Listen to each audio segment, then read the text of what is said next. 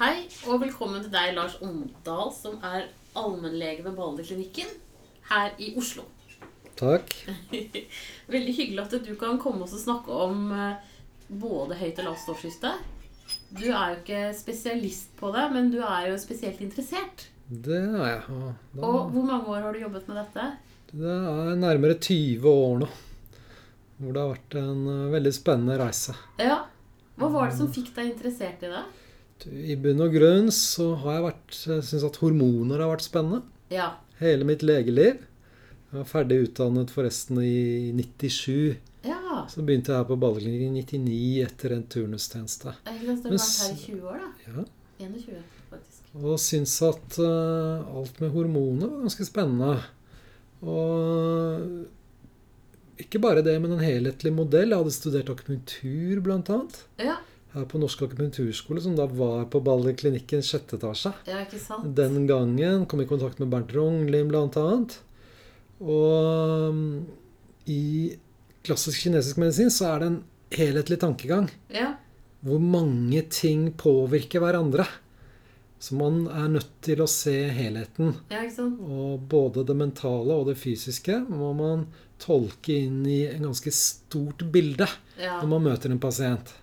Så og du det hadde jeg med- på dem, du? Nei, vi bruker 90 minutter når vi møter pasientene våre. Ja, ikke sant?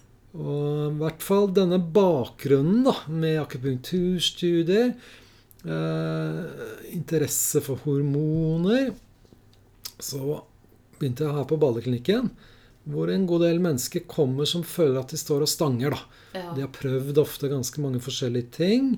De har kanskje gått til legene sine, gått til spesialister. Og mange forteller oss i hvert fall at de har savnet nettopp denne helhetlige tilnærmingen. Mm. Så når jeg begynte her på Baller som nyutdannet, så kom disse multisymptomatiske inn. Ja. Med ofte lange lister med symptomer Ja. og ofte sammensatt bakgrunn for symptomene. Og da var det en god del som bl.a. oppi den totale pakka si da, Mm. hadde et stoffskifteproblem. ja. Lavt Som de fleste. lå der Ja, og var som var en sånn- del av det. Og da etter hvert um, skjønte at her er det flere muligheter Ja. enn det som er etablert som standard medisinering, eh, så begynte jeg å forstå da at det gikk an å gjøre dette på en litt annerledes måte enn det som var eh, opplest og vedtatt. Og var bl.a. på kurs i USA i miljøernæringsmedisin, helhetlig medisin. Vi fikk høre om bl.a. kjertelekstrakt, oh ja. Som er heter armor. Aldri hørt. Og det er da egentlig gamle dagers eh, medisinering av lav stoffskifte. Okay. Man gikk til dyrene på gården Ja. og hentet ut skjoldbruskkjertelen bl.a. Oh, ja. renset den og lagde små lysebrune tabletter. Som Yes. da inneholder flere ting enn det man får i den vanlige medisinen, som er lagd på laboratoriet. Ja. Eh, Men som er bioidentisk, altså det som heter Levaxin i Norge, da, inneholder T4. Men i disse kjertelekstraktene så får du flere ting enn bare T4. Oh, ja. Også det som heter T3, som er det aktive stoffskifthormonet. ja. For Og det er tre sånn Det er T3, T4, og så er det Det er først og fremst de to. Det er først og fremst de to. ja, og det er T3 som er det aktive hormonet som gjør jobben. Ja. Mens T4 som vi får i eh, den vanlige medisinen, egentlig bare er en råvare. da. ja. Så kroppen er nødt til å foredle råvaren til den ferdige, aktive varen, for å si det sånn, nemlig T3, som skal gjøre jobben i kroppens milliarder av celler. Og hvilken jobb er det den gjør da? Da påvirker den en lang, lang rekke prosesser i kroppen. Vekst, utvikling, forbrenning, temperaturregulering, nervesystem og mange, mange flere prosesser. Så det er trolig flere tusen gener inni cellene våre som blir påvirket av stoffskiftehormonene. Noen skrus på, noen skrus av. Så det er egentlig genavlesningen, da. Hva som aktiveres og inaktiveres av arvematerialet vårt, Ja. som hormonene påvirker. Og Det gjelder for øvrig også mange andre hormoner, som virker på kjernereseptorer i cellene. Så de skal helt inn i cellekjernen, Ja. der genene våre og kromosomene sitter. Så skal de knagge seg på mottakere der, og så sier de on-off på mange forskjellige gener, som er da ansvarlig for mange biokjemiske prosesser i cellene våre. Men det, det høres jo ut som noe som følger oss hele livet, da. Hele livet igjennom. Fra du liksom er unnfanget Ja. til Eller hvor fort, i foster, vet du hvor fort i fosterlivet det begynner å fungere? U, altså, man må ha stoffskifthormoner fra dag én. Ja. Og da er det mors stoffskifthormoner som over eh, morkaken går gjennom da Navlesnoren inn til babyen. Ja. Så bitte lite embryo til og med trenger mors stoffskifthormoner. Det er det helt sånn essensielt nyere for kunnskap. Nei, dette har man visst en stund, at Ja. eh, mors stoffskifthormoner er viktig for en god graviditet. En Ja. normal fosterutvikling. Så ikke minst da på vekst og utvikling er stoffskifthormonene helt avgjørende viktig. Ja. Og hvis det da ikke er nok stoffskifthormoner fra mor ja. under graviditeten, så har man et potensielt problem i forhold til barnets utvikling.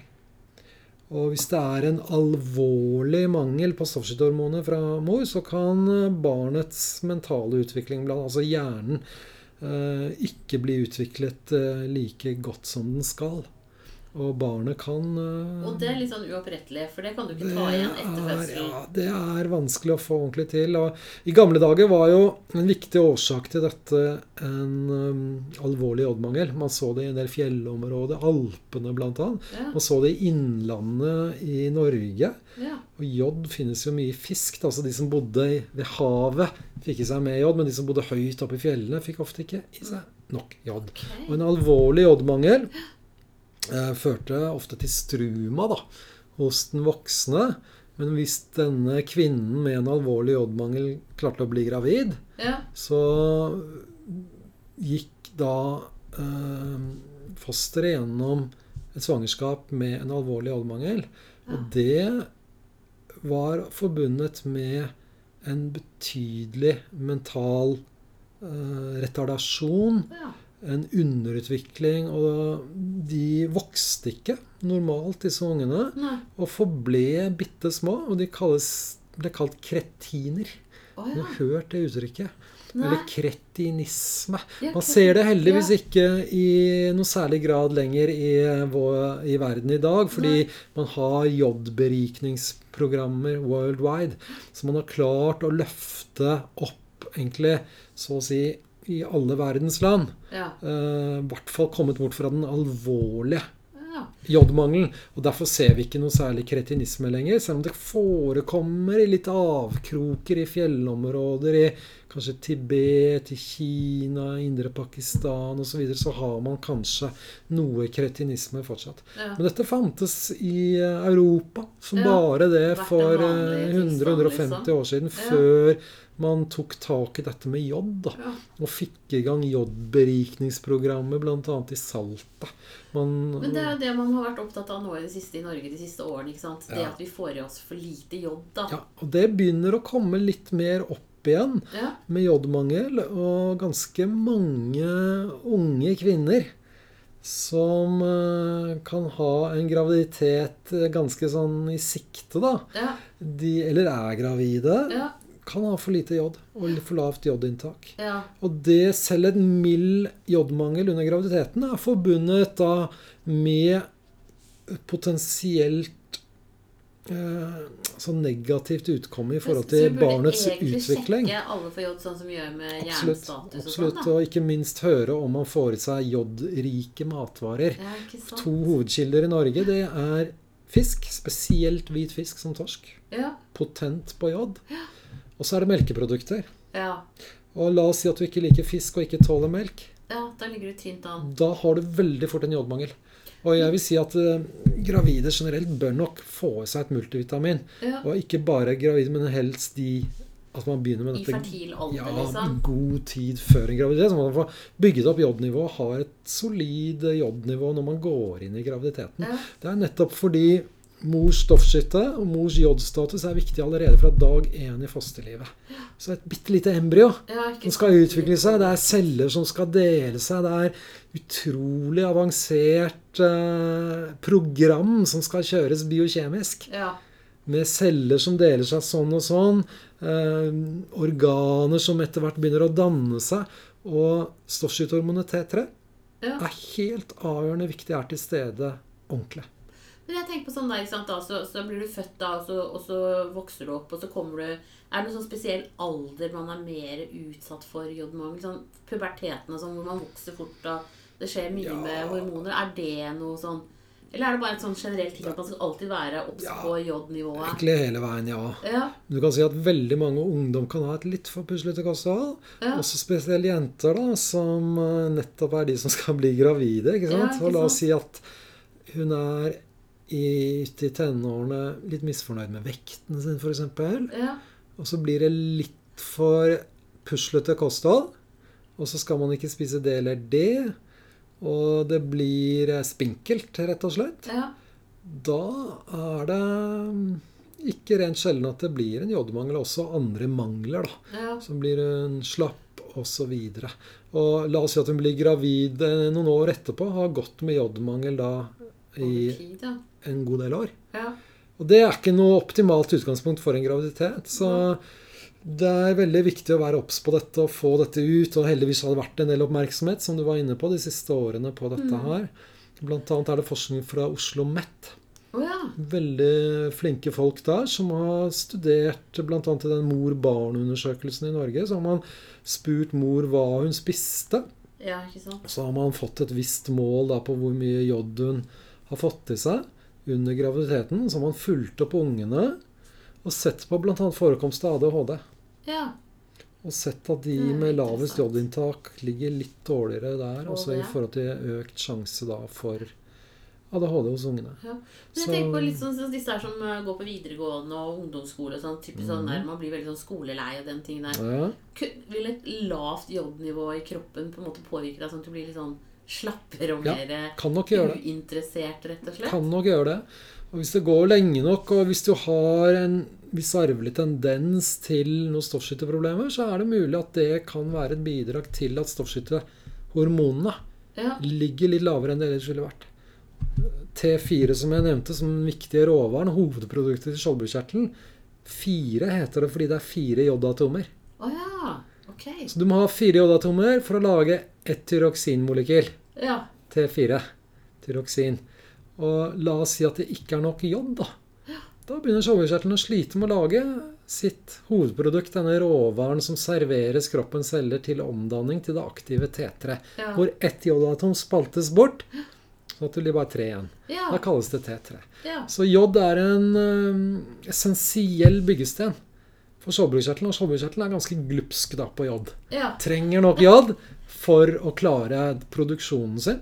Hvor mye trenger vi snitt om dagen, vi Nei, man mennesker? anbefaler 150 mikrogram i hvert fall daglig jod. Og det tilsvarer to-tre glass melk? Ja, eller? vel så det. Ja. Et ordentlig fiskemåltid får du fort et par hundre mikrogram. Altså. ja. Men sånn som makrell i tomat og sånne pålegg? Da er det noe jod. Ja. Det finnes jodtabeller altså, som ligger ute på nettet. ja. Jeg vet Og- blant annet også har, og helserektoratet. Ja, de har det. Så disse jodtabellene kan være lurt å titte på. Ja, Geitost, ja. masse JD. ja Eh, melk, som sagt, en god del JD. Ja, Litt avhengig av kuenes fôr. ja De har fått litt sånn taremel og sånn i fôret. Ja. Men så har det også vært litt fall i jodinnholdet i melken, så det er ikke like god jodkilde som tradisjonelt. Da. Men så, så melk er ikke jodberiket sånn som det er med D-vitaminer f.eks.? Ikke Ikke ekstra sånn jod som man putter i, nei. Nei. Men du er avhengig av at kuene har fått i seg nok jod. Ja, Som kommer ut i melka. det er jo veldig interessant. Og, og, men hvis man liksom Hva ville du sagt da at eh, Når bør man kontakte lege og lure på om man har lavt eller høyt stoffskifte? Hva er liksom symptomene? Du må dele det sikkert. At vi tar det Ja. ene først. Det er noe overlapp på høyt og lavt når det gjelder symptomer, men det, de har hver sin profil, kan du si. da. Ja. Og det kan man få i alle aldre? Ja, det kan man få i alle aldre. Og eh, det er nok eh, altså en topp, da. Ja. eh, rundt kvinner i fertil alder. Ja. Og ikke minst den aller vanligste starttidspunktet for når dette slår ut, Ja. er det som kalles en postpartumperiode. Dvs. Si kjølvannet av et svangerskap. Ja. Uh, akkurat uh, i månedene etter en fødsel skal man være litt spesielt obs på dette her. Ja. Så um, kvinner som går gjennom svangerskap, obs Ja. på dette. Spesielt hvis man har dette i slekta. Ja. Fordi det er jo en arvelig disposisjon Ja. som veldig ofte ligger der. Og så kan det da slå ut på et eller annet punkt hvor denne postpartum-perioden kanskje er det mest typiske. For noen får det i overgangsalder også. Ja. En god del jenter får det også i- allerede i tenårene. ja. Og spørsmålet er om når vi kanskje snakket om, hormonene liksom. begynner å røre på seg i puberteten, om det også kan være med på å eh, påvirke denne tendensen. Men vi vet ikke nok om årsakene, men generelt kan vi si at den vanligste årsaken er autoimmunreaksjon. ja. Og hva er det? Autoimmun betyr at immunsystemet feilkobler, ikke helt klarer å skille venn fra fiende. Ja. Skjoldbruskkjertelen på halsen og i og for seg alle organene i kroppen vår er jo venn, Ja. som immunsystemet skal holde fingrene av fatet fra. Ja. Og ikke fyre løs med immunsoldater da, som invaderer f.eks. skjoldbruskkjertelen. ja. Men dette skjer, da. Men er I det, er det sykdom i forkant som kan forårsake det, eller bare, kan det bare skje? kan være muligens en virusinfeksjon som kan dytte på immunsystemet, men ofte har man ikke noe spesifikk sykdom, nei. Nei. Og dette med autoimmunitet det kan vi kanskje komme litt tilbake til, men det er et stort, viktig tema da, Ja. i forhold til årsaker til lav stoffskifte.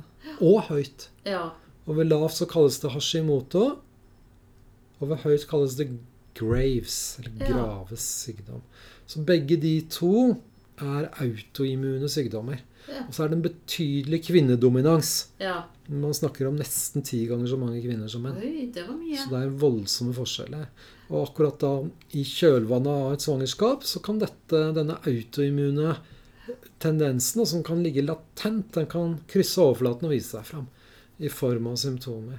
Ja. Uh, og også da kan vi lure litt på om de hormonelle endringene ved pubertet, også som jeg nevnte svangerskap, Ja. men også overgangsalder, om sånne ting kan være med på å bikke da, immunsystemet ut av balansen. Sånn at immunsystemet begynner å fyre eh, angrep uhensiktsmessige reaksjoner rett og Ja. slett i kroppen. Og lage betennelser i skjoldbruskkjertelen, sånn at den ikke klarer jobben sin på en riktig måte lenger. Men det er jo Vi kan godt si litt mer om autoimmunitet nå, så kan jeg komme tilbake til symptomene. Ja. Autoimmunitet. Hvorfor i all verden begynner immunsystemet å bikke over og feilreagere? Og dette har vi som sagt ikke alle svar på. Nei. Jeg nevnte at hormonelle endringer kan ligge litt i dette landskapet. Så kan man ha en arvelig tendens. Men det er trolig vanligere og vanligere med autoimmunitet.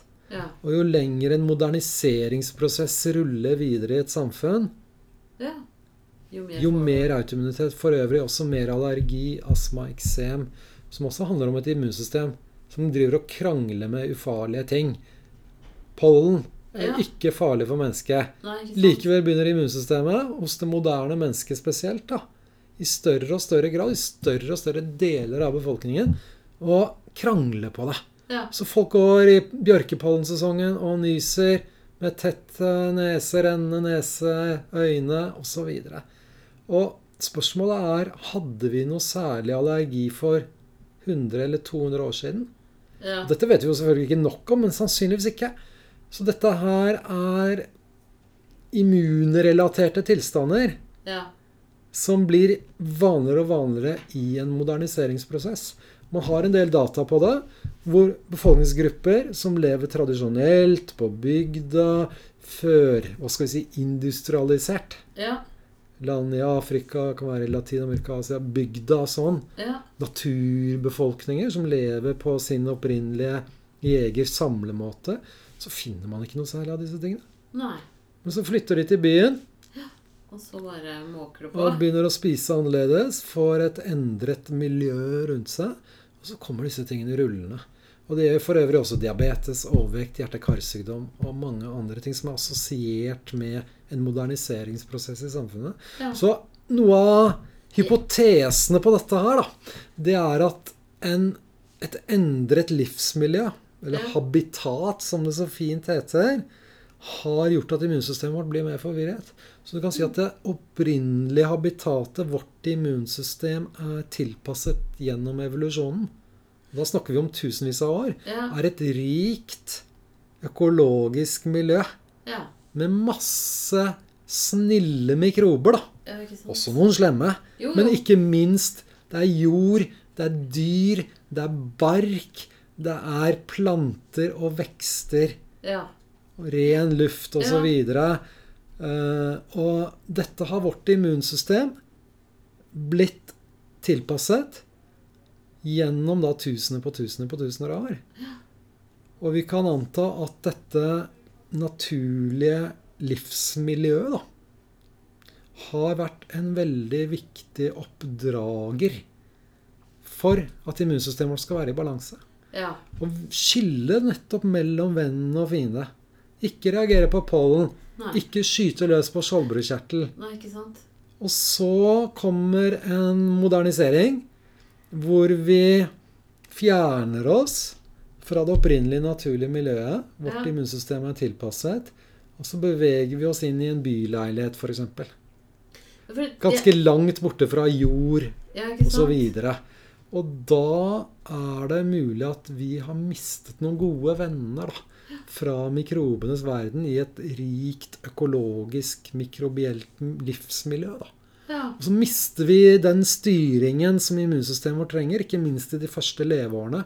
Babyene som krabber rundt. ikke sant? Ja. Dytter alt inn i munnen. Ja. Mater immunsystemet sitt med informasjon. ja. Så fra å krabbe på jordgulv, så krabber man rundt på en blankskurt parkett i en Ikke sant? og får for lite Og det er det da mistanke om kan gjøre at immunsystemet ikke får en sunn nok oppdragelse Ja. hos det moderne mennesket. Og hvis man da har den og den genetikken, og det er andre faktorer også involvert, så har man en økt tendens til at immunsystemet på et eller annet tidspunkt i livet bikker over og gjør noe det ikke skal. Ja. F.eks. angriper.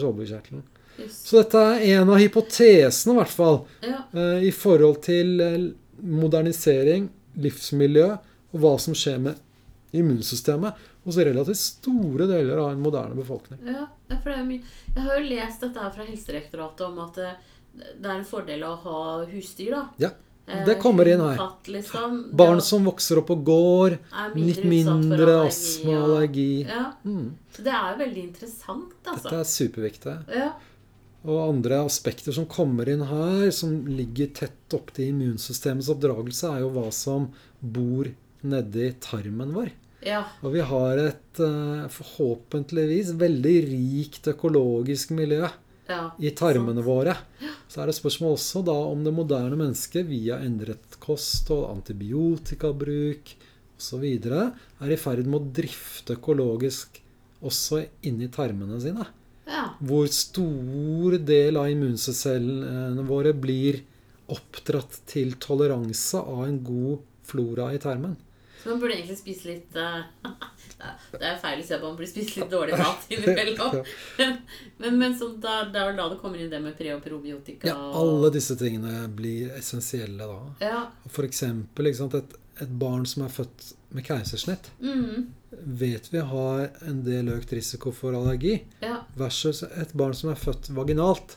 Ja. Og er du født vaginalt, så har du dratt med deg litt av mors flora. Ja. Og mm, smakt litt på det, Ja. og begynte å så mors flora ned i din egen tarm som nyfødt. ja. Og dette er med sammen med morsmelken, som inneholder vekstfaktorer for gode bakterier i tarmen, med på å danne da en best mulig økologi i tarmen, som igjen er viktig for nettopp at immunsystemet ikke skal begynne å tulle og krangle ja. med ting og tang.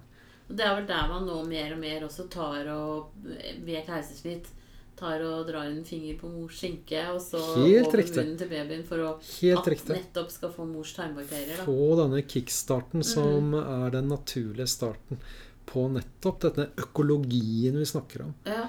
Men, men når det først da fikk, ah, Nå hopper jeg tilbake til disse eh, høyt og lavt stålskiftet. Ja. Når man først har fått det, Mhm. eh, er det noe man kan gjøre da for å liksom er det, Går man over en terskel som på en måte man kan aldri gå tilbake fra?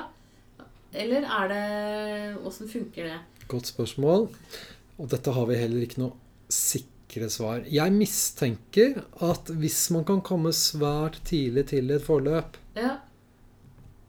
og i den grad man kan finne mer sånn eh, Hva skal vi si eh, Spesifikke faktorer. En sånn faktor kan være gluten. ja. Dette gjelder for all del ikke alle. Nei, nei. Men det gjelder en undergruppe. Blant annet har man sett at de som har Graves, Ja. den, det høye stoffskiftet, eh, med øyepåvirkning Øynene kan også bli påvirket av denne betennelsen Ja. og begynne å bli både såre, hovne, og noen får litt utstående øyne Ja. når eh, denne Graves-autoimmuniteten ruller i vei. Da har man sett at de med Graves hyper med øyeinvolvering har en 13 ganger hyppighet av cøliaki, yes. som er glutenintoleranse, versus eh, stoffskiftefriske. Så man ser ganske store forskjeller da. Da kan vi jo lure på vil det hos de, hvis man kommer veldig tidlig til, Ja. og gluten kan være en sånn trigger, og vi går over på et glutenfritt kosthold Riktignok etter en god diagnostikk først, hvordan man vurdere Mm. med cøliakiprøver og en gastroskopi. Man må ned i tarmene, se på tarmtotten osv. Men la oss si at man finner det. At det er en cøliaki. Ja. Og tar bort gluten, så kan det være, hvis man kommer tidlig til, at man kan bremse opp den utviklingen eh, i forhold til stoffskiftet. Ja. Men dette er åpne spørsmål. Vi har ikke gode nok data på det per i dag. Og det er dessverre sånn at når immunsystemet først har fått litt blod på tann, Så, så kan det bli en litt selvgående prosess. Så la oss si at det har vært triggere som endret flora, endret mikrobielt levemiljø, kostholdsfaktorer som gluten, kanskje også uh, alt det vi eh, har dessverre dyttet ut i miljøet vårt av miljøgifter og kjemiske ting, så vi Ja. lever egentlig i en liten kjemisk suppe også Ja. som kan være med på å provosere. Men la oss si at man rydder opp i mest mulig av de tingene.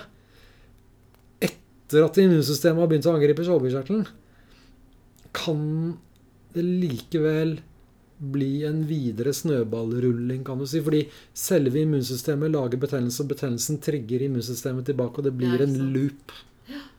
Så det er ikke noen veldig enkle svar på dette her.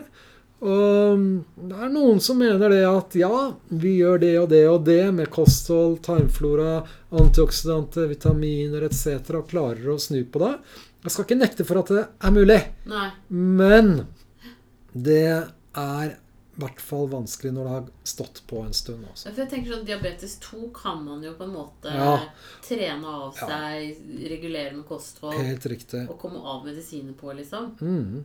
Men dette, Men dette er er en litt annen det. historie sånn sett. Nei. Det er sånn type 1-diabetes, Ja. som jo er en annen variant enn type 2. Type 1 er nettopp en autoimmun Ja. reaksjon, hvor immunsystemet da angriper bukspyttkjertelen, ja. som skal lage nok insulin. Så diabetes 2 er ikke en autoimmun Ikke en autoimmun direkte, men altså eh, Diabetes type 2 er forbundet med en del betennelse. Ja. Men det er mer et generelt klima i kroppen. Og Det er ikke sånn at immunsystemet går til angrep da på en spesifikt organ eller celletype i kroppen. Det er det ikke. Nei. Det er mer det at insulin ikke virker like effektivt lenger. Det kalles en insulinresistens. Ja. Så det er en litt annen historie med diabetes type 2, men diabetes type 1 er nettopp en autoimmun. Ja. Og la oss si f.eks. noe man har tenkt på da, er kumelksprotein. Kan det trigge det hos barn? Mm. Igjen ikke noe sikre data, så vidt jeg vet. Nei. Eh, Men om man da unngår det, vil man klare å styre unna diabetes type 1-utviklingen og unngå et livslangt insulinbehov? Ja. Vel, vanskelig. Vanskelig. Vanskelig. vanskelig. Men forskes det mye på stoffskiftesykdommene nå? Du, det er en del forskning eh, sånn på verdensbasis. Det er relativt lite i Norge.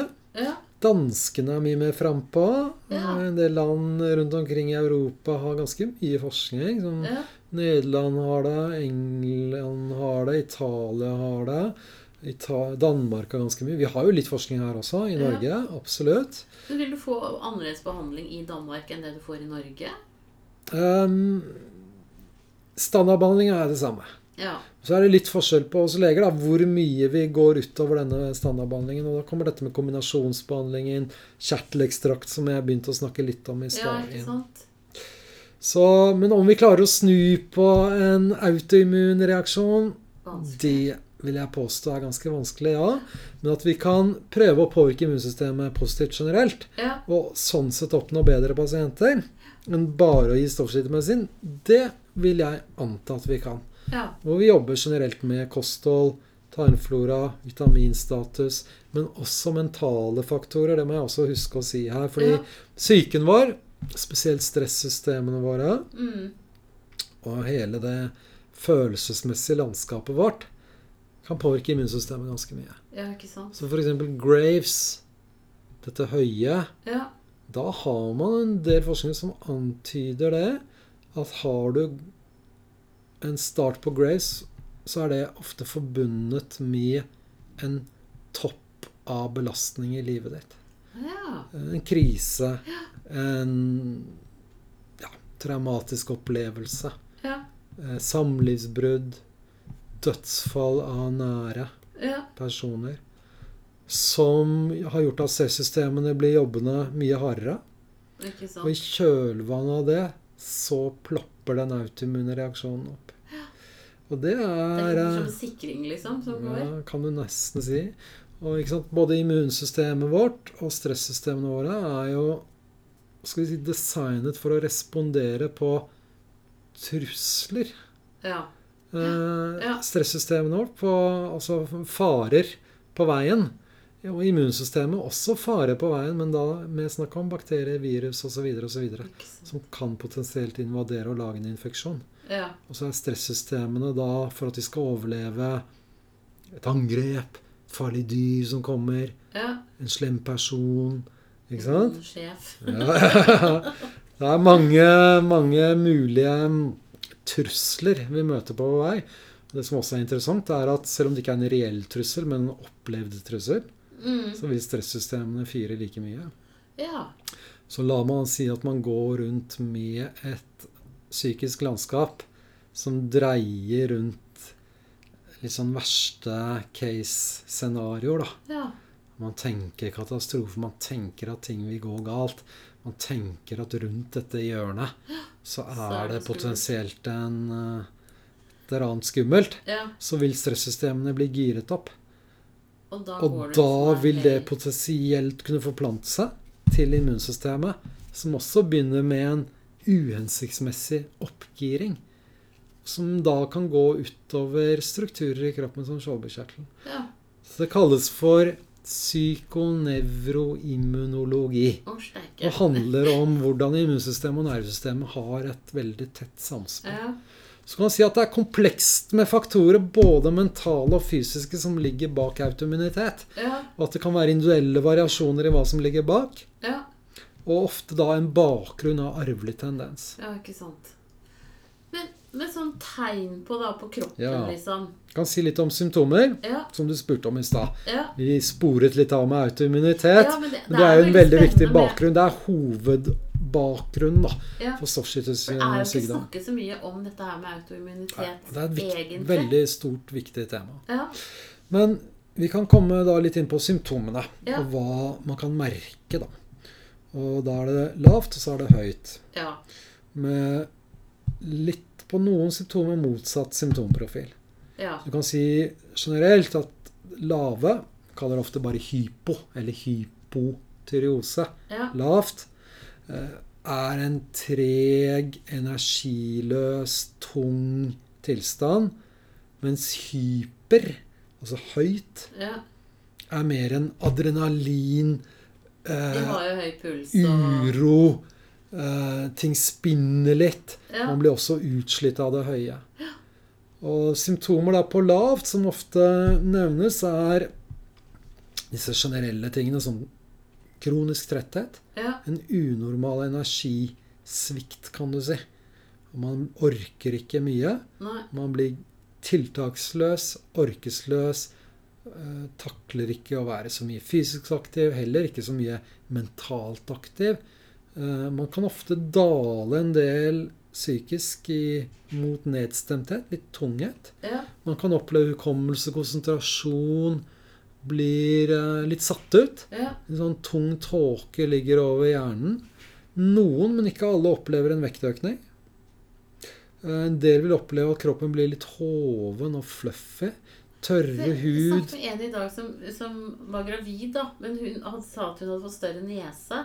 Ja, Da hadde legen sagt at det kunne være et tegn på lavt stoffskifte. da. ja, hvis det går langt nok, så kan man på en måte bli litt sånn hoven og svullen, da. Ja, Inkludert i ansiktet, ja. ja. Rundt øynene, Ja, Så hun hadde fått sjekka seg, og det stemte jo for så vidt det legen tenkte. da. ja. Men sånn ledd og smerter i ledd og sånn, er det Kan være. Ja, Kan være hos noen ganske mye. Stivhet, smerter eh, Ja, kan komme både i muskler og i ledd. Tregere mage ser man vel av stoffskift ofte. ja, Og så er det dette med temperatur. Stoffskifthormonene er veldig viktig for temperaturregulering. Så har Ja. man for lite av det, så blir man ofte frossen. ja for eksempel, Kald og får sånn indre frost. liksom. Indre frost. Og, Ja? De forteller at de hjemme da må ha ullteppe og ullsokker selv på sommeren og sånn. ja, Eh, krangle med mannen om å ikke åpne døra ikke natt, eller vinduet da, på soverommet. Ja. Med ekstra dyne osv. Så, videre, og så, videre. Ja, så um, dette med frossenhet kan være et symptom. ja, Um, ja, så Det er i hvert fall noen av tingene. Og for kvinner kan det påvirke menssyklusen din. Mensen blir mer uregelmessig, større blødninger. Og vi var litt inne på graviditet i stad. Og, Ja. og hvis du ikke har nok stoffskifthormoner, så kan du også slite litt mer med å bli gravid. Ja. Og selve autoimmuniteten, bare så det også er sagt, kan, altså er forbundet med en nedsatt fertilitet. ja. Og litt økt sjanse for spontanaborter også. Og det mm, kan Er det spontanaborter pga. misdannelser, eller er det på en måte fordi at kroppen ikke greier å holde på ja, Klarer ikke å holde på. Nei. Og dette med autoimmunitet, altså at immunsystemet gjør noe det ikke skal, ligger jo bak eh, disse stoffskifteproblemene, det store flertallet i hvert fall. Og da kan vi jo lure på om det med autoimmunitet i en graviditetssetting Ja. gjør at immunsystemet også blir litt mer reaktivt i forhold til barn i magen. Og Det er jo noe som er viktig for kvinnen som er gravid, nettopp at immunsystemet hennes roes litt ned. Ja, for ellers så kan du Barn i magen skal få lov til å være i fred for mors immunsystem. ja. Så det blir en viss nedregulering av mors immunsystem under graviditeten.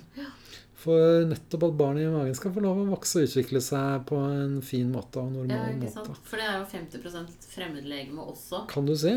Så, Ikke sant? Og hvis da mors immunsystem er i denne autoimmune modusen og driver og reagerer uhensiktsmessig, så kan vi jo lure på om da det også kan være litt eh, hva skal vi si, pågående i forhold til barn i magen. Ja, Som blir oppfattet som mer fremmede enn ellers ville gjort uten noen skjevt immunitet. I hvert fall man har sett forbindelse mellom autoimmun tyroidiasykdom, stoffskiftesykdom, og eh, økt tendens til spontanaborter. ja. Og også nedsatt fertilitet hos kvinner. Så dette med fertilitet er jo et stort, viktig tema også i et moderne samfunn. Og da er det nå flere og flere gynekologer som jobber med fertilitet, og IVF-forsøk osv., ja. som er opptatt av å vurdere og titte på kvinnens stoffskifte ordentlig. Men sånn i forhold til menn og fertilitet, da, nå har den Ja suser jo nedover, men kan det være noe sånn stoffskifte? Ja, da, Spermkvaliteten kan jo gå ned ved ubehandlet lavt Ja, hos menn.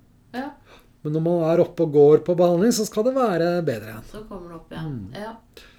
Så mm, det var litt om lavt, da. Altså det er den tunge, seige, liksom trege, treg. frosne, smådeprimerte. Det er det lave. ja. Så har du det høye.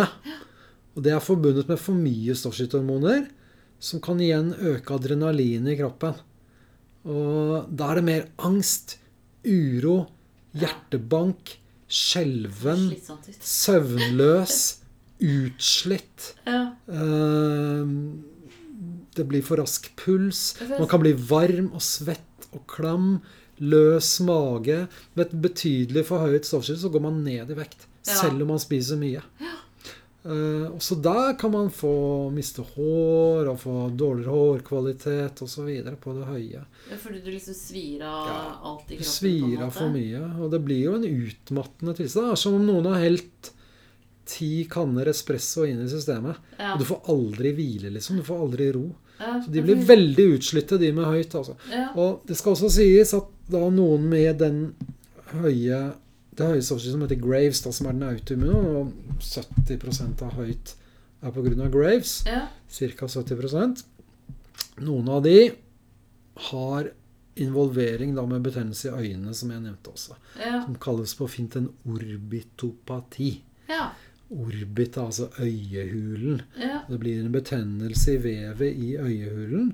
Og hvis det blir eh, ødem der, altså økt væskeinnhold, det blir eh, mer fiberdannelse osv., så, videre, så begynner de, de å trykke øynene litt bakfra. Ja, for det kan man jo se på de som liksom Ja, har så da vil noen få utstående øyne. ja, Som da kan være et symptom på Graves. ja. Men sånn når du kan se at folk har sånn klump på halsen, da sånn, Ja. altså, At du ser at skjoldbruskkjertelen Blir det ikke det? Ja.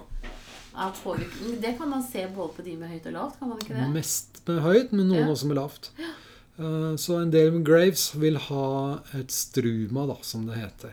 Og Da er det nederst på halsen at det er en tydelig hevelse. Ja. Det er også noen med lavt Hashimoto, den autoimmune lave, som kan ha hevelse. Men mange har ikke det. Nei. Så det er hyppigere ved høyt enn lavt, denne hevelsen. Ok. Eh, Men så har det dette med jodmangel vi kom inn på, Ja. som ikke da er direkte autoimmunitet. Men har du en betydelig jodmangel, så kan du få mye knuter og etter hvert et struma som er en jodmangelrelatert. Ja. Og litt av den eh, gamle dagers situasjon med mer alvorlig jodmangel, så kunne du se Du kunne ha sånne svære, Ja, tjukke halser. sånne håndballer nesten, altså som bulet ut på halsen. Ja. Så det så man eh, som en konsekvens av langvarig, betydelig jodmangel. Med store strumaer. ja, men det har man heller Det ser vi ikke noe særlig lenger. Men eh, det er en del, ja, som har et struma, som har hevelse der. Ja.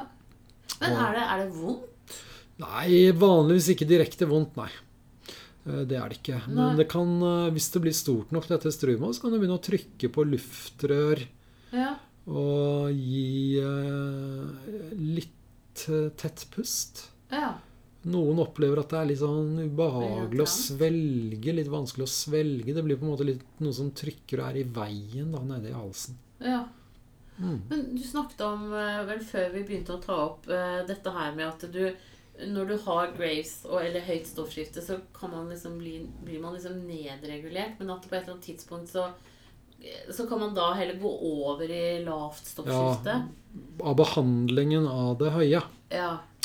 Fordi det man prøver på, det er jo å bremse ned på denne overaktive kjertelen. Som blir stimulert av noen antistoffer som heter trasantistoffer. Ja. Og det- de overstimulerer kjertelen, så kjertelen blir eh, Hva skal jeg si Lager altfor mye stoffskiftehormoner. Ja. Pøses ut i kroppen. Og det girer opp alt mulig. Hjertet dunker i vei, og man blir skjelven og varm, Ja, svett, klam. Ja, ja, alt dunker i vei. altså ja. en veldig sli, slitsom eh, tilstand. Um, da gir man fortrinnsvis i runde én, da, så gir man eh, noen medisiner, tabletter. Det som er mest brukt, heter Neomercasol i Norge. ja. Og det er da en sånn bremsemedisin. Og det skal man helst gi i riktig dose da, så lenge det er nødvendig.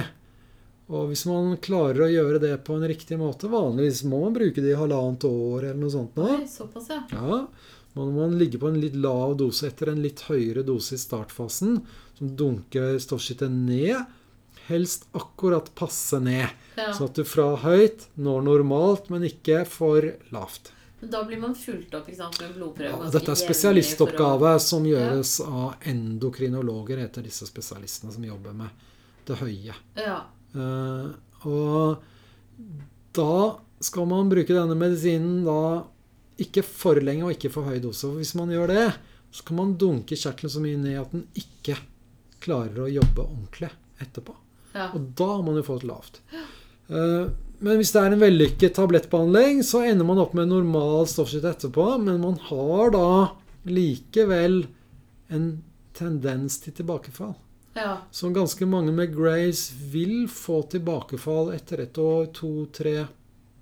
Så man har gjennomgått tablettbehandlinga, og da er det spørsmål hva gjør vi nå? Hvis det ja. kommer tilbake. Virker Og pillene da, da? ja, da virker det igjen, så da kan man gi en ny tablettrunde. Ja. Eh, og det gjør man ofte. Men la oss si at det kommer tredje gang.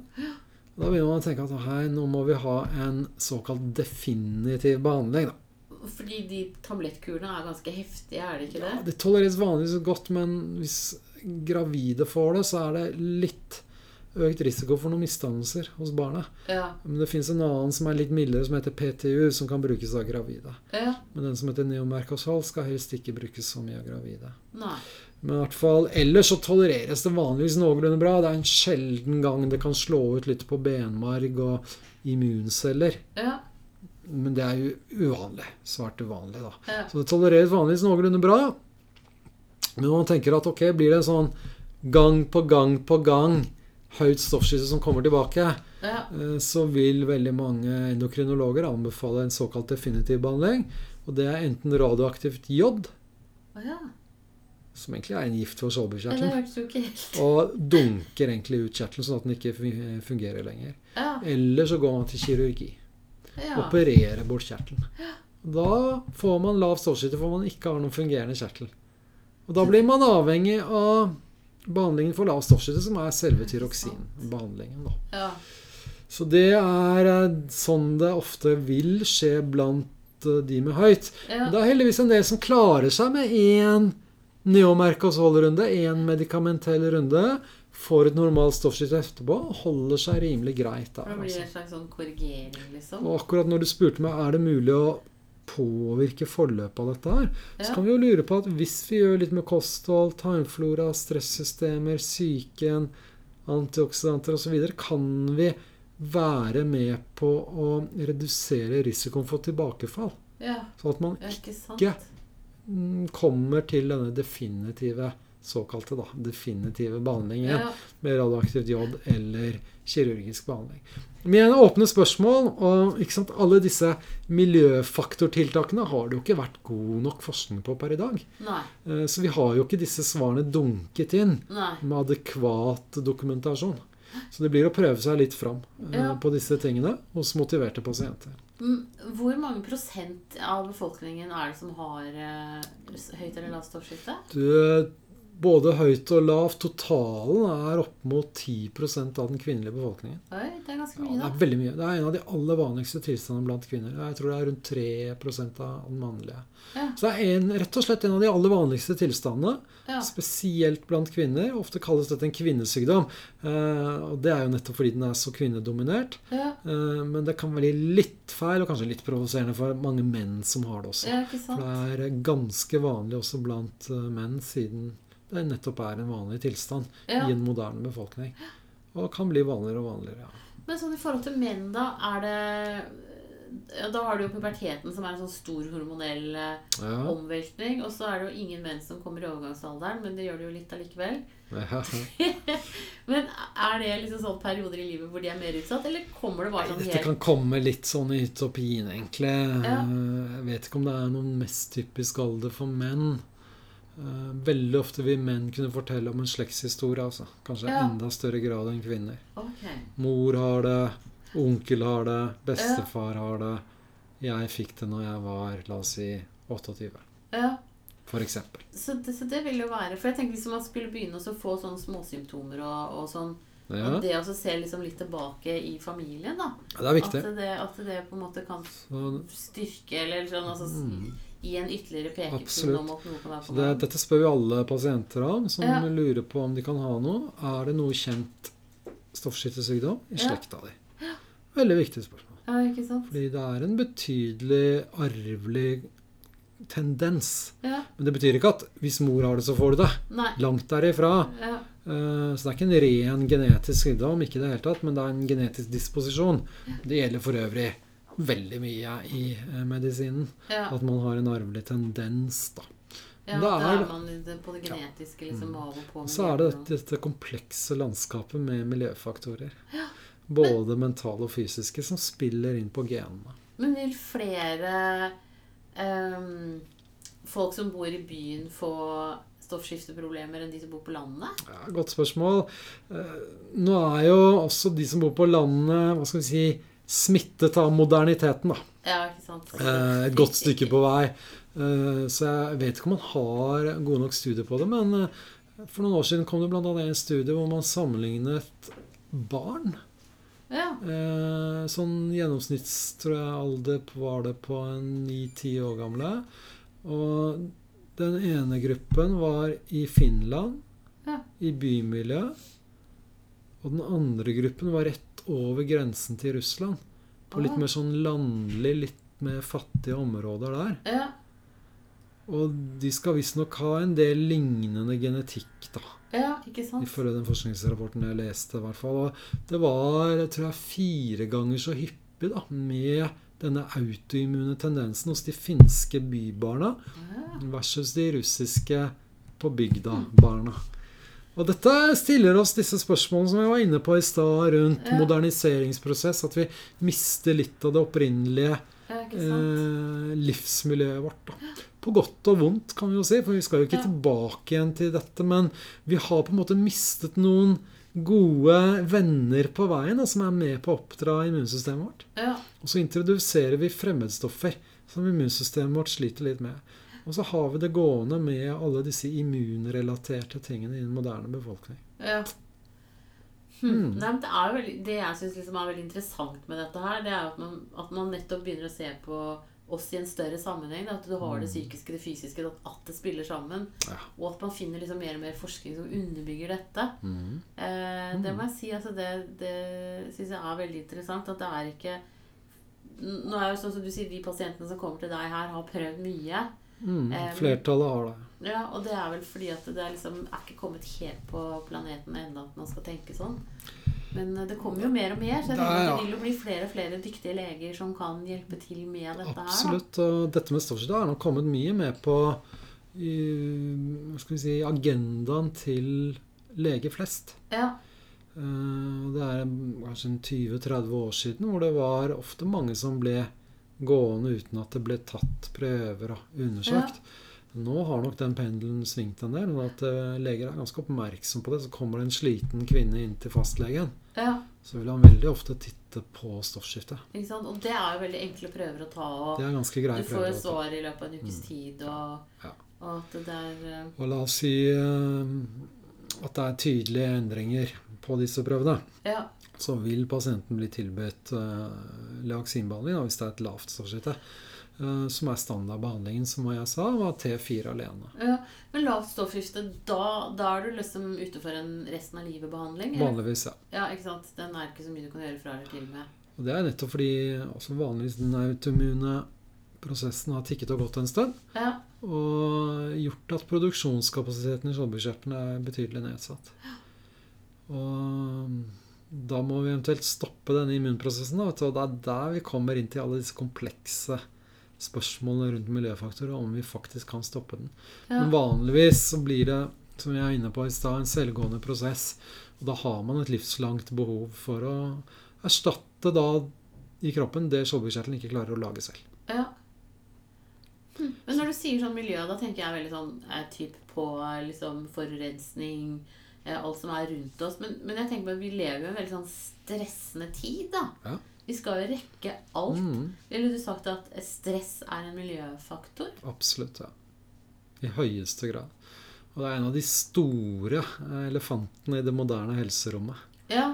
Og det påvirker oss på veldig mange måter. Og det er en eh, mer eller mindre kronisk oppregulert stressrespons hos eh, en god andel av en moderne befolkning. I hvert fall i faser av livet, og det er individuelle forskjeller, selvfølgelig.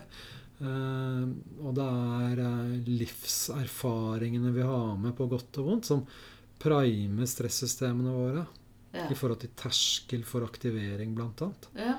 Og hvis du er hva skal vi si, opplevd ganske negative ting da, opp igjennom, spesielt tidlig i livet, Mm. så vil det bli en lavere terskel for aktivering. Og en del vil gå med en kronisk oppregulert stressrespons.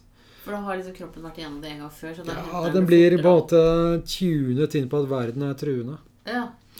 Men så er det alt dette med hva skal vi si, tidsklemma. Mange småbarnsforeldre vil kjenne seg inn i det. ikke sant?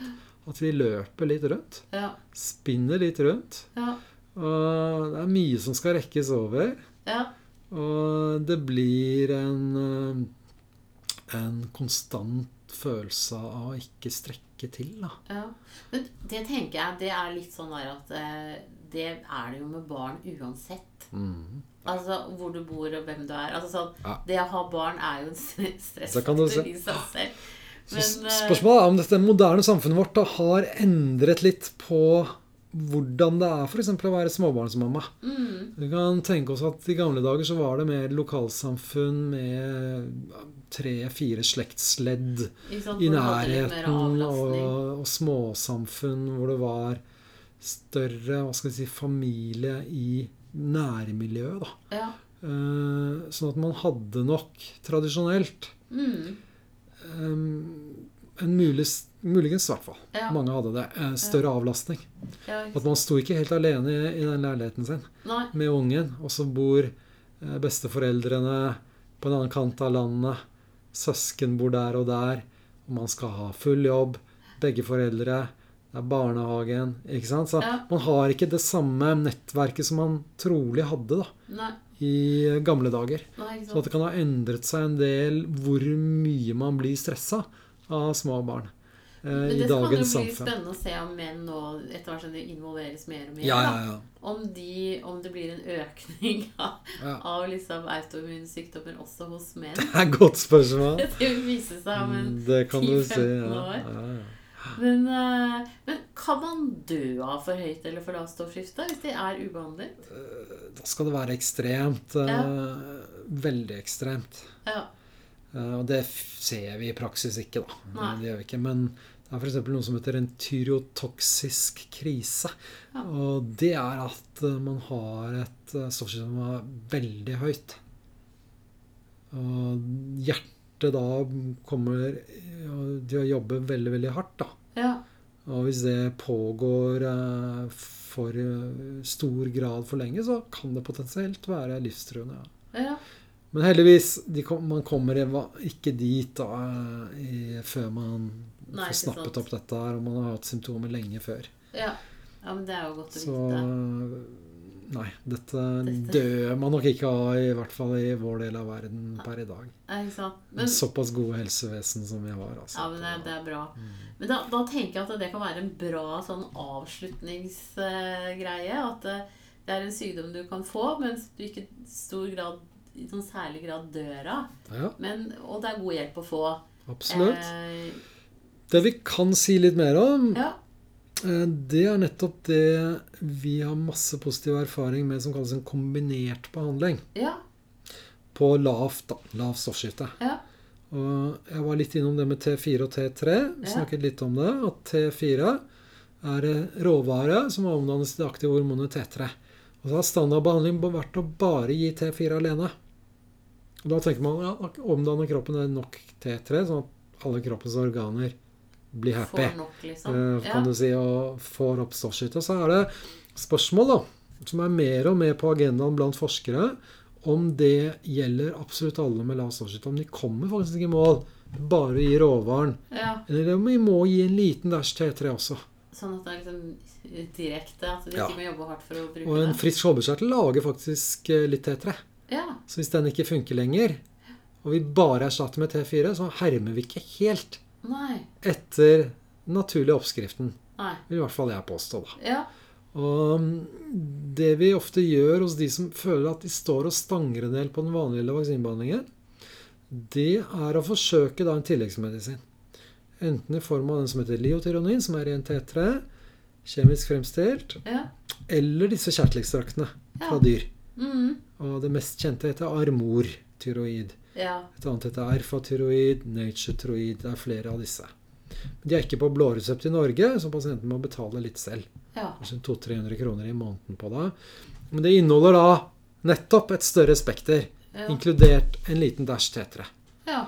Og ved å kombinere da en lavere vaksindose med en tilleggsmedisin som har T3, så opplever vi at ganske mange pasienter får det bedre. ja. Ikke alle, men mange opplever f.eks. at hjernen klarner til. ja. Eh, De får bedre hukommelseskonsentrasjon, får litt mer energi, lite pluss psykisk. ja. Opplever en bedre livskvalitet, rett og slett. Ja.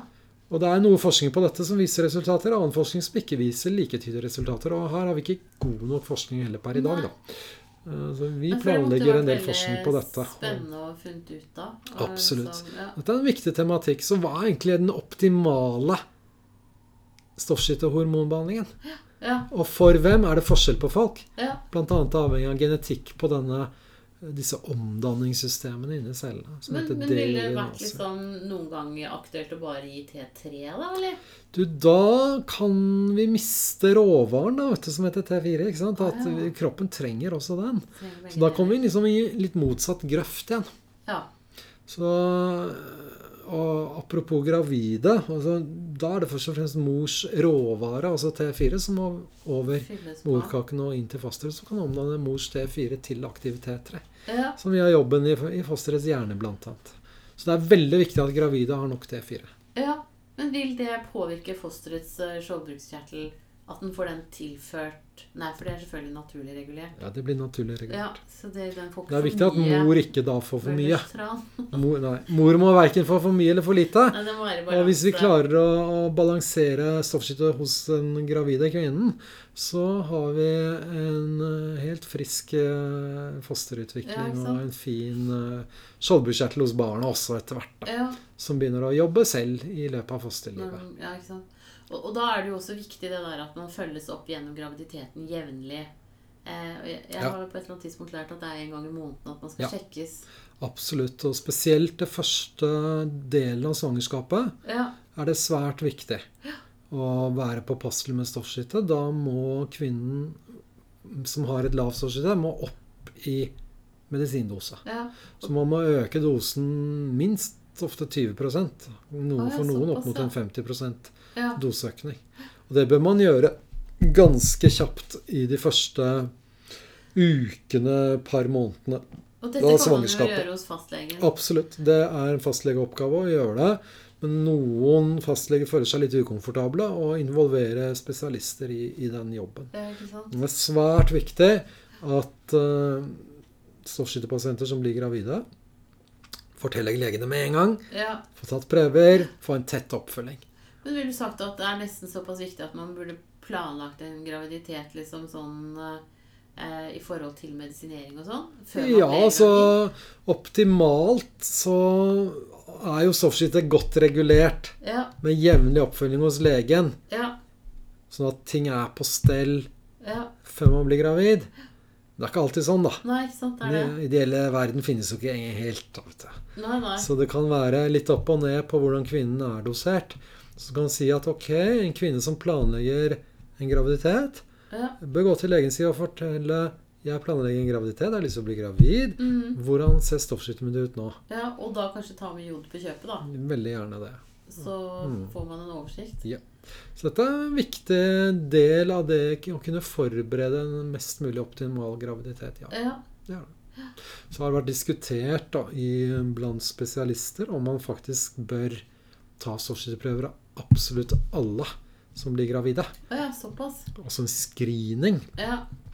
Og så har man da eh, prøvd å se om en screening vil gi et bedre utkomme ved barnets utvikling. da. Ja. Man har slitt litt med å få det til, men det er studier som er veldig kompliserte. ja det Så, veldig mange ja, ja, ja. Så man har på en måte ikke landet dette med screening ennå. Da vil du få litt delte meninger. Men jeg mener at alle gravide bør få tatt stoffskiftehormonprøver. Det gjenspeiler litt det du sa om mor-barn-undersøkelsen, da. Som Mm. nå heter mor-barn-far-undersøkelsen. Ja. mm. Men uh, at der har de noe data på det, da. Men uh, kanskje ikke nok enda. Nei. Eh, Men også absolutt viktig det med jod, blant annet, som de har sett på. Ja, Og ikke minst selve stoffskifteprøvene. ja. Man prøver så godt man kan å ha dette på plass. da. Ja. Optimalt sett. Godt før man blir gravid. Ja. ja men det var, det var godt å lære. Men du, overgangsalderen, da? Ja. Eh, Der er det mm, noen som får starten på stoffskiftet da, men veldig mange, etter min erfaring, har allerede en stoffskifteproblematikk da, fra før de kommer i overgangsalder. Ja. Eh, Selv om selvfølgelig det kan debutere også da. ja. Men eh, det som skjer, er at østrogenet dropper jo hos kvinnen som kommer i overgangsalder. Og da er det viktig å, å nedjustere stoffskiftehormondosen litt. Ja. Fordi østrogen påvirker den. Man trenger litt mindre etterpå. Men vil, vil et uregulert stoffskifte gjøre en overgangsalder tøffere? Ja, Det er nok mulig, ja. Ja. Og ikke minst hvis man er overmedisinert, da. Ja. Får for mye stoffskiftemedisin, så blir det et sånn høyt stoffskiftesituasjon. Ja. Man blir varmere, f.eks. ja. Mer skjelven, mer urolig, mer søvnløs, mer engstelig av å ha for mye stoffskiftehormoner. Og så dropper østrogenet ja. og kan gi litt lignende symptomer som jeg ramset opp nå. Så la oss si at du har en sånn dobbel hit. da. Ja. Og hvis du har en trippel hit, så har du en økt stressresponsaktivitet også. Ja. Med stresshormoner som danser på bordet. Som også i seg selv kan gjøre overgangsalderen mer trøblete. Så la oss si at du er overmedisinert, har mye stress i livet ditt og har østrogendroppe. Så er det et ba- ikke noe veldig hyggelig kombo, hvor ting kan bli mye drøyere da for kvinnen. Men ville du sagt at de som opplever å være sånn At de kommer i overgangsalderen og blir sånn hyperstressa, at de da burde sjekke av stoffskiftet sitt? Ja, og ikke minst hvis man er medisinert, da. Nei, jeg tenker også hvis du, hvis, Hvis du ikke har det, ja. har en oppdaget Ja, eh, det, det kan absolutt være greit å titte på, ja. Ja. I høyeste grad. Så, Så det er en del av det å ha en god eh, evaluering av symptomer som kan dukke opp der, og Ja. ta med seg også stoffskifteprøver der. Vil jeg i hvert fall påstå. For for det opplever jeg jo litt sånn Nå har vi jo drevet en nettsted overgang.no i lenge. Mhm. I over ti år. Ja. Eh, og, og det med, med liksom Altså det, det er så sammensatt ikke sant? hvordan overgangsalderen treffer noen. da. Mm, ja. Eh, og at, at Tradisjonelt så ser man liksom bare på østrogen. Mm. Eh, man ser ikke på, på så veldig mye andre ting. da. Nei. Eh, men at kanskje stoffskifte kunne vært en av de tingene man faktisk skulle trukket litt mer inn Ja. i det. Det er i hvert fall lurt å titte på. Ja, Og om ikke det er direkte involvert bak symptomene, så kan det jo være, hvis man virkelig finner noe på prøvene, ja, trolig gjøre eh, overgangsalderen mye mer trøblete. Ja. ja. For du Så sa da altså det det med blødningsforstyrrelser da. ja. tidligere i livet, liksom. At eh, Store blødninger på et ubehandlet lavt, f.eks. Ja. ja, Så, at, eh, og det er jo en av de tingene som preger overgangsalderen, er jo Ja. uregelmessige blødninger. så, eh, også. ja, så er, siden stoffskiftehormonene er så mye involvert i kroppen, Ja, på omtrent alle systemer, ja, inkludert da eggstokker, hormonelle, det gynekologiske, ikke sant? ja. Eh, så er det å ikke ha stoffskifthormonene på plass en potensielt da provokatør ja for også sånne ting som Ja. dette med avgang. Så ja, sjekk det, titt på det, gjør en helhetlig vurdering hos den kvinnen som kommer med overgangsplager. Ja, ikke sant? Mm. Ja, men da tror jeg at det var en bra avslutning. Yes. da vil jeg si tusen takk til deg, Lars Omdal. Bare hyggelig. allmennlege på Balderklinikken. Ja. Eh, og åpen for nye oppdrag. Hvis folk sliter med et stoffskifte de ikke Ja. får orden på, så har du i hvert fall Absolutt. gode innspill. Ja, Og- vi mener vi har mye å tilby der. Og Ja. vi har jo nå veldig stor pågang av stoffskiftepasienter fra hele Norge. Ja, ikke sant? Til og med noen fra Sverige kommer til oss. Ja, savner dette tilbudet. Så veldig mange opplever, vil jeg påstå, da, å møte både en grundigere og mer helhetlig tilnærming til plagene enn det de har opplevd rundt omkring. ja, Eh, Jeg vil også helt til slutt si at veldig mange kollegaer rundt omkring gjør god jobb nå ja. med disse tingene, men det er noen ganger det er ting som kunne vært gjort bedre. ja ikke sant? Men det gjelder oss alle. Ja, Yes, vi har et forbedringspotensial. absolutt. Det Nei, men du, tusen hjertelig takk. Bare hyggelig.